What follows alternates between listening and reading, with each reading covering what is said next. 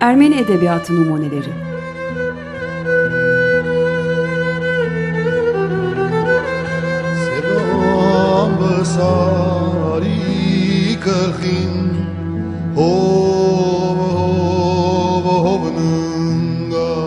Hazırlayanlar Paylin ve Yetvart Tomasyan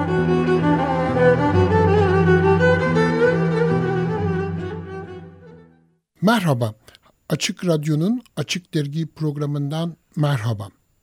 Bu haftaki programımızda konu edeceğimiz yazarımız Aras Yayıncılığın 2006 yılında yayınladığı Lerna Ekmekçioğlu ve Melisa Bilal'ın beraber derlediği Bir Adalet Feryadı Osmanlı'dan Türkiye'ye 5 Ermeni feminist yazar kitabından yararlanarak aktivist Hayganuş Mark'tan bahsedeceğiz. Fırsat çıktıkça bu kitaba müracaat ediyor ve feminist, aktivist, yazar, eğitimci e, Elbis Gesaryan'ın, Sırpı Düsab'ın, Zabel Asadur'un, Zabel Yesayan'ın ve Hayganuş Mark'ın adlarını anıyor, işlerinden örnekler sunuyor, bahsediyoruz. Bugün ayın dördü. Dört gün sonra 8 Mart. Pazar günü Dünya Kadınlar Günü. Yeri gelmişken bu değerli insanlardan birini ananım atlarını, eserlerini, duruşlarını yaşatmaya, onları görünür kılmaya çalışıyoruz. Her sene bugünlerde Ermeni Edebiyatı Numuneleri programında bir feminist yazarı anmayı, tanıtmayı görev edindik. Adet oldu. Bu hafta bahsedeceğimiz yazarımız Hayganuş Mark. En küçükleri. Gelin Hayganuş Mark'ın hayatına bir göz atalım. Hayganuş Mark İstanbullu bir anne ile Vanlı bir babanın kızı olarak 1885'te İstanbul Ayaspaşa'da Beyoğlu'nda doğdu. Bir Fransız Rahibeler Okulu ve Esayan Okulu'nda öğrenim gördü. Esayan Ermeni Lisesi'nin son sınıfındayken Ermeni dil bilimci Hagop Kurki'nin dikkatini çeker ve 5 yıl boyunca kendisinden Ermenice dersler aldı. 1898 yılında mezun olduktan sonra Esayan Okulu'ndan çeşitli konularda bilgisini ilerletmek için özel dersler aldı ve Ermenicesini geliştirdi. Edebi çalışmalarına öğrenciliği döneminde başlayan Mark, 1903 yılında Masis gazetesi tarafından düzenlenen bir şiir yarışmasında üçüncülük ödülünü aldı. 19 yaşında 1904 yılında Manzume-i Efkar dergisinde Gahkorane adlı yazısı yayınlandı. 1900-1904 yılları arasında Yedikule'de bulunan Surpırgiç Ermeni Hastanesi'nin yetimhanesinde yarı zamanlı yatılı yardımcı öğretmenlik yaptı. 1905'te eşi Vahan Toşikyan'la birlikte Zarik Çiçek gazetesinin yönetimini üstlenerek onu bir kadın dergisine dönüştürdü ve iki yıl boyunca editörlüğünü yaptı. 1907'de yeni evli bir çift olarak eşi Vahan Toşikyan'la e, Vahan Toşikyan'ın doğumu 1880, ölümü 1954. E, birlikte İzmir'e yerleşerek Arşalus, Şafak ve Artagank, Yankı gazetelerini yayınladı. Bu süreli yayınlarda hazırladığı kadın köşeleriyle Zavik, Zavik misyonunu orada da sürdürdü. 1909'da eşiyle birlikte İstanbul'a dönen Hayganuş Mark, meşruriyetin ilk yıllarına hakim olan özgürlük ortamında açılan Ermeni yardım ve toplumsal hizmet derneklerinde önemli faaliyetlerde bulundu. Askanıver Hanyats Îngerutyun, Milliyetperver Ermeni Kadınlar Cemiyeti, Hay Diknans Îngerutyun, Ermeni Kadınlar Birliği ve Galatyo Ahkadakınam, Galata Fukara, Fukara Perver Komitesi gibi toplumsal hizmet derneklerinde faaliyetlerde bulundu. Ayrıca Negosyan Okulu'nda da Ermenice dersler verdi. 1919'da Haygin Ermeni Kadını adlı iki haftada bir yayınlanan bir dergi çıkarmaya başladı. Kadınların her türlü sorunun dile getirildiği e, bir kürsüye dönüşen ve birçok Ermeni kadın yazarın ürünlerini yayımlayan dergi yayınına 1933'te son vermek zorunda kaldı. Birkaç yıllık bir küskünlük döneminden sonra çeşitli gazetelerde yazmayı sürdürdü. 1936 yılında editörlüğünü eşinin yaptığı Norlur Yeni Haber gazetesinde bir kadın köşesi hazırladı fakat ilgi görmediği için bir süre sonra köşeyi kapattı. Yazarın edebi faaliyetlerinin 50. yıl dönümü 1954 yılında bir törenle kutlandı ve bu amaçla Hayganuşmark Gankın Ukordze Hayganuşmark Hayatı ve Eserleri adlı bir kitap yayınlandı. 1966'da İstanbul'da ölen Hayganuşmark Şişli Ermeni mezarlığına gömülmüştür. Feminizmi bir adalet feryadı olarak tanımlayan Mark'ın 1921 yılında İstanbul'da yayınladığı Zulutyan Bahiris Temberlik Anlarımdan adlı bir de şiir kitabı bulunmaktadır. 1923 yılında İstanbul e, Milletvekili Muhittin Üstündağ e, Türk Kadınlar Birliği'nde bir seminerde kadınların asker olamadıklarından ötürü iki cinsin eşitliğinden bahsedilemeyeceğini söyler. Üstün Dağ'ın sözlerine kimseden bir yanıt gelmezken e, Mark Hilal-ı Ahmer gazetesinde çok sert bir cevap verir Üstün Dağ'a. Doğum sırasında hayatını kaybeden anneler askerde hayatını kaybeden erkeklerden daha fazladır.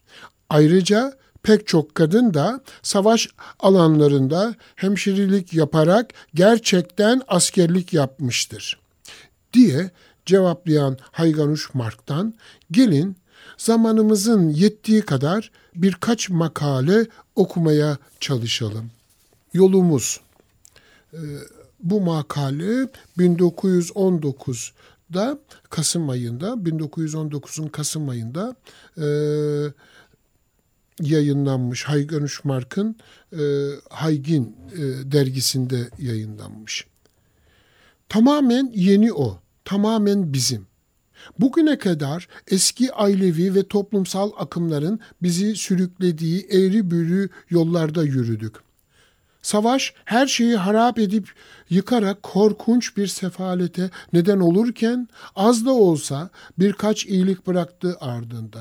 Bunlardan biri de kadınların toplumsal sözleşmenin ördüğü ağlardan özgürleşmesidir.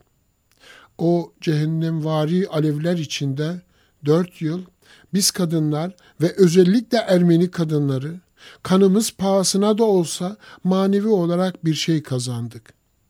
Her türlü engelin üstesinden gelebileceğimizi, bize ev ve çocuk bakımı dışında işte ve piyasada da güvenilebileceğini gösterdik. Böylece davamızla ilgili hoşnutsuz ve olumsuz ifadeler kullanan ağızların artık kapanması gerektiğini ispatladık. Bütün bunlar bizim boyumuzu aşan işler yapmaya muktedir olduğumuzu gösterdi. Eğer dünya savaşı sırasında yaptıklarımızı yani kocalarımızın, evlatlarımızın, kardeşlerimizin yerine nasıl geçtiğimizi, savaştan sonra da yetimlerimizle nasıl ilgilendiğimizi, onların gözyaşlarıyla nasıl ağladığımızı ve sorumluluklarımıza nasıl sahip çıktığımızı göz önüne alırsak, kaderimizin değişmemesinin imkansız olduğunu görürüz ardımızda küçük bir yol bırakıyoruz. Üzerinden kadın, eş ve anne olarak sorumluluklarımızı yerine getirerek geçtiğimizi, utanmadan bakabileceğimizi mütevazı bir köy yolu. Şimdi bu yolu düzeltebiliriz. Onu daha geniş, daha uzun, daha temiz bir yol, hedefe doğrudan giden bir şehir yoluna çevirebiliriz. Bu yolda sorumluluklarımızı yüklenecek, haklarımızı yaratacak, işi koyulacak, kadınlık hislerimizden ve evimizden uzaklaşmadan bir zirveye varacağımızı, cinsimizin, halkımızın ve vatanımızın yeniden doğuşunun sinirleri zorlayan ürpertisi bizi o zirveye varmaya yönlendiriyor. Hayganuş Mark'ın başka bir makalesi yine Haygin e, Ermeni Kadını e, dergisinde yayınlanmış yıl 1920 e, Ekim ayı. Makalenin başlığı Kızların Mesleki Eğitimi. Gazeteler birkaç gün önce Rum Cemaati Eğitim Komisyonu'nun aldığı bir kararı duyurdular. Buna göre Rumların ünlü kız okulu kızların gidip mesleki eğitim alabilecekleri merkezi bir kuruma dönüştürülecekmiş. Dikkat çekici bir haberdi bu. Öngörü sahibi ve mantıklı düşünebilen bir toplum olan Rum cemaati ileri görüşlü bir hamleyle geleneksel alışkanlıklarda devrim yapıyor. Böylece ön yargılı düşüncelerin perdesi yırtılıyor ve Rum kızların meslek edinmesinin önü açılıyor. Görülüyor ki aydın Rum yöneticileri kızlara verilen tek yönlü eğitimin oluşturduğu o kadim engelleri aşmakta kararlılar. Onları dürten çağda ihtiyaçların önüne geçilmez gücüdür. Yaptıkları nedir? Hiçbir şey. Yalnızca bir işe başvurduklarında hazır olmaları için kızlara çeşitli ticari dallarda eğitim vermek. İlk bakışta çok basit gibi görünen bu konunun ardında çok ciddi bir toplumsal zihniyet yatıyor. Bu da kadınların devletin veya milletin denetimi altında çalışma hayatına hazırlanmalarını onaylamaktır. Bunu Amerikan Kız Koleji zaten uyguluyor. Peki aynı koşullar altında yaşayan ve çoğu kendi ebeveynini geçindirmek zorunda olan bizim kızlarımızın da böylesi bir eğitime ihtiyaçları yok mu?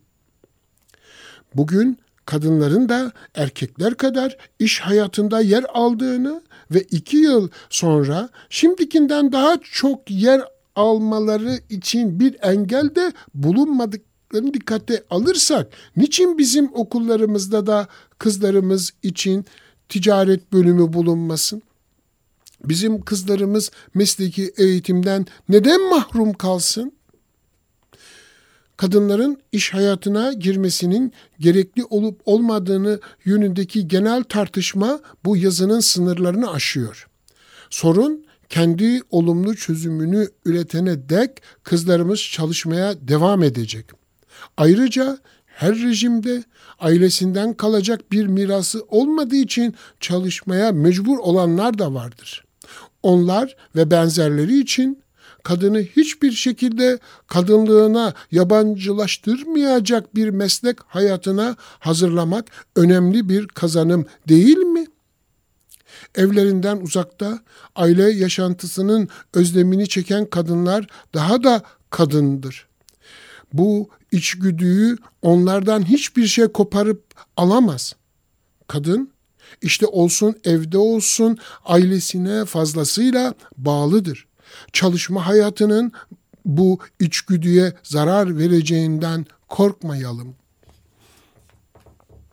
Bir başka makalesi e, yine Haygin'de yayınlanan yıl 1926 e, Ağustos'unda e, yazının makalenin başlığı Feminizm. Kadınlar itirazlarını yükseltmek için her adım attığında hemen umulmadık bir köşeden kocaman bir taş fırlatılır feminizme. Günün cart renkleri, berbat kıyafetler, çıplaklık, bayağılık kokan tavırlar, hayatsızca abartılı bir makyaj. Hepsi, hepsi feminizmin taşlanması için sebeplerdir. Neden? Çünkü diyorlar kadınlar eşitlik istiyorlar. Erkekler gibi özgür olmak istiyorlar ve bunun sonucu olarak bir takım garip tavırlara bürünüyorlar. Bu doğru mu? Eğer birbirine bir mücuze ile böylesi bir mantık kurulsa bile doğrudur diyebilir miyiz? Feminizmi var eden kadınların böyle şeyler yaptıkları vaki mi? Sonra erkekler boyanırlar mı? Çıplak dolaşırlar mı ki kadınlar onlara eşit olmak için, feminizmi uygulamak için bunları yapsınlar? Sanırız hayır. Eğer birkaç boş kafa erkeğin bizde ön yargılar uyandırmasına izin vermezsek erkeklerin lehine olarak onların kadınlara kıyasla daha ağırbaşlı olduklarını söyleyebiliriz. Demek ki kadınların günümüzdeki tavırlarının ve giyim bayağılığın, zevksizliğin sorumlusu feminist doktrin değil, tersine feminizmin döktüğü onca ciddi ve saygıdeğer çabaya rağmen kadının kaderinin aynı kalmasıdır. Günümüzün sahibesinin içinde geçmişin cariyesi uyanıyor. Ne yapardı geç, e, geçmişin cariyesi sahibinin gönlünü çelmek için. Takıp takıştırır, boyanır, soyunur, raks eder, şarkı söyler. Karşısındakinin memnun etmek için bin bir şekilde şekile girerdi. Günümüzün kadını bunu tek bir farkla, daha hükmeder bir edayla yapıyor. Geçmişte kadın yalvarırdı. Bugün emrediyor. Onu bu yüksek mevkiyi kim verdi? Çok basit. Bütün zamanların erkeklerini etkisi altına alan orta çağ şövalyeliği. Bugün o yüksek mevkiye gelmiş olan kadının etidir. Onun ruhu, aklı, kalbi değil. Neden? Çünkü erkekler öyle istiyor.''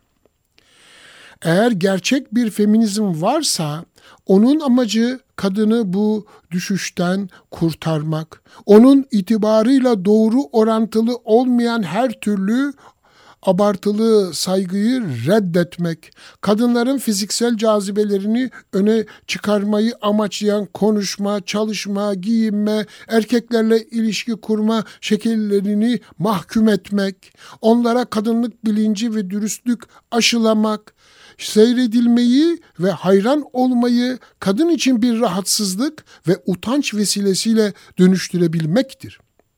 Kadını olması gereken yerde görmek istemeyenler onun gelişmişliğini görmezden gelir.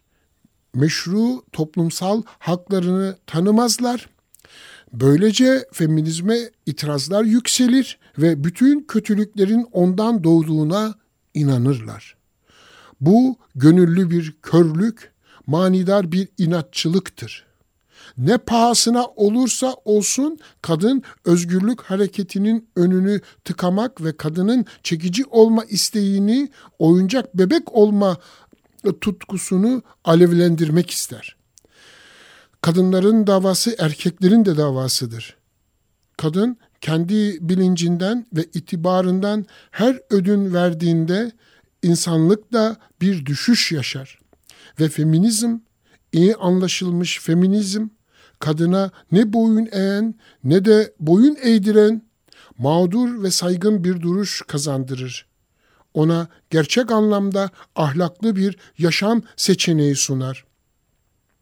Ne mutlu ki Hareket gitgide serpilip sağlıklı bir şekilde ilerliyor.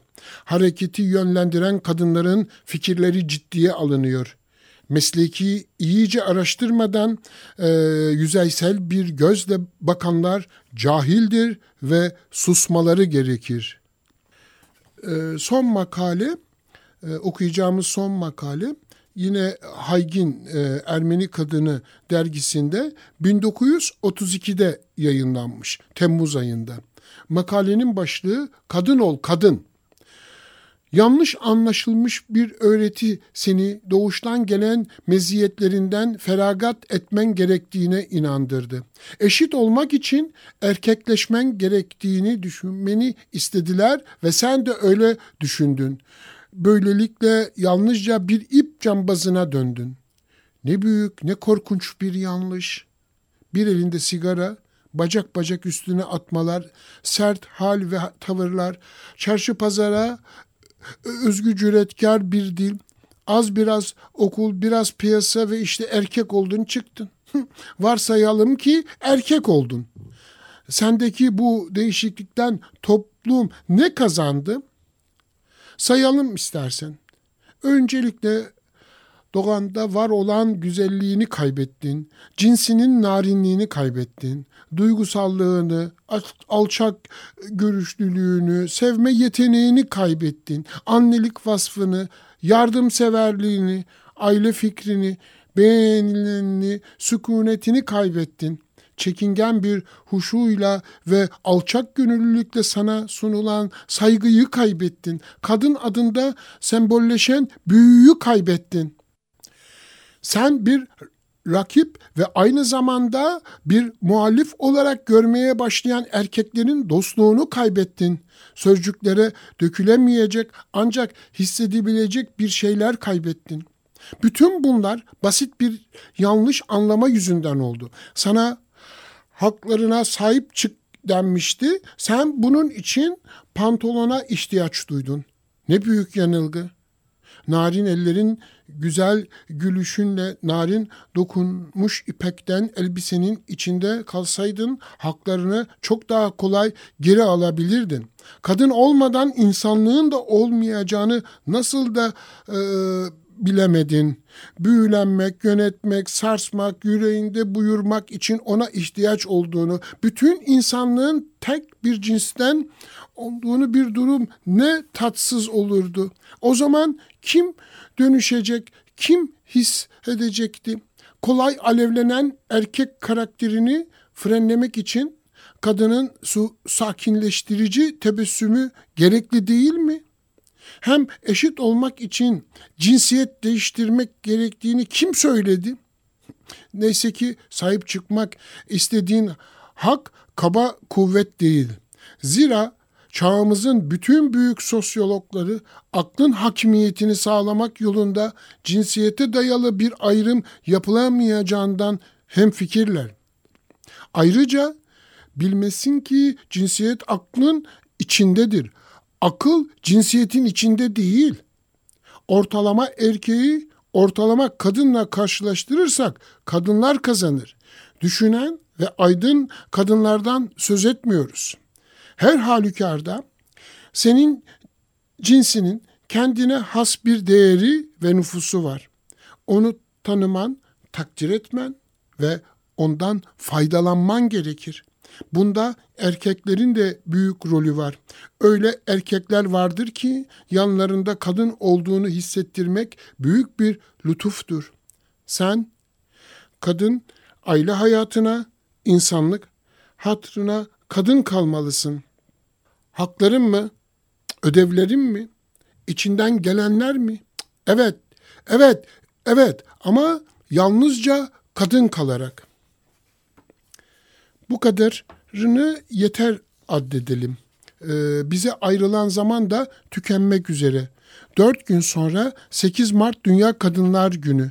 Kadın Hakları Mücadelesi yıl dönümünde kendini kadın hakları ve insanın özgürleşmesi mücadelesine adayan feminist, aktivist, eğitimci Hayganuş Mark'ın yaşamından bahsederek makalelerinden birkaçını okuyarak Hayganuş Mark'ı analım istedik. Görünür olsun istedik.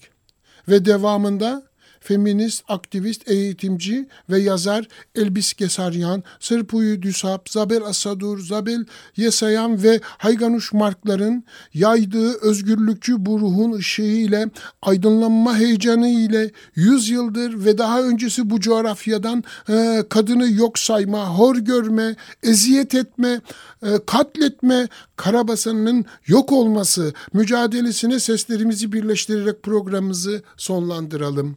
Sonlandırmadan önce üç genç kadın Teni Apelyan, Yeraz Markaryan, Anais Tekeryan'dan kurulu Zulal grubuna kulak kabartalım. Zulal grubunun akapella okuduğu Kelelao şarkısıyla da programı bitirelim. Hoşça kalın, sağlıcakla kalın. Açık Radyo'nun Açık Dergi programının Ermeni Edebiyatı Numuneleri köşesinden 8 Mart Dünya Kadınlar Günümüz kutlu olsun. 4 gün sonra hafta sonu pazar günü 8 Mart. 8 Mart günü alanlara inmek, meydanlarda etkinliklerin birinde karşılaşmak, buluşmak, görüşmek umuduyla.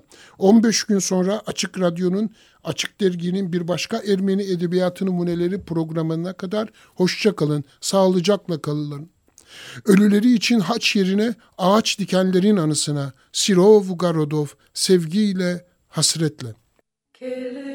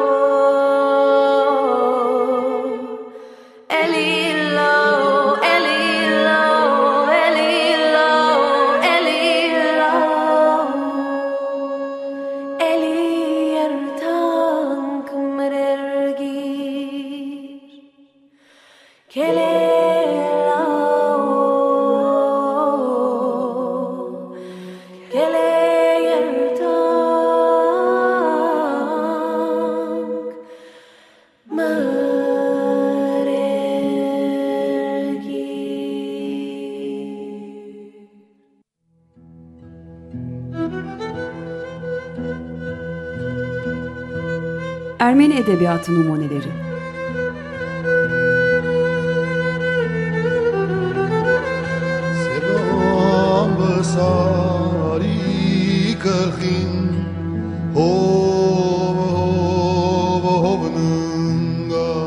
Hazırlayanlar Paylin ve Yetvart Tomasyan.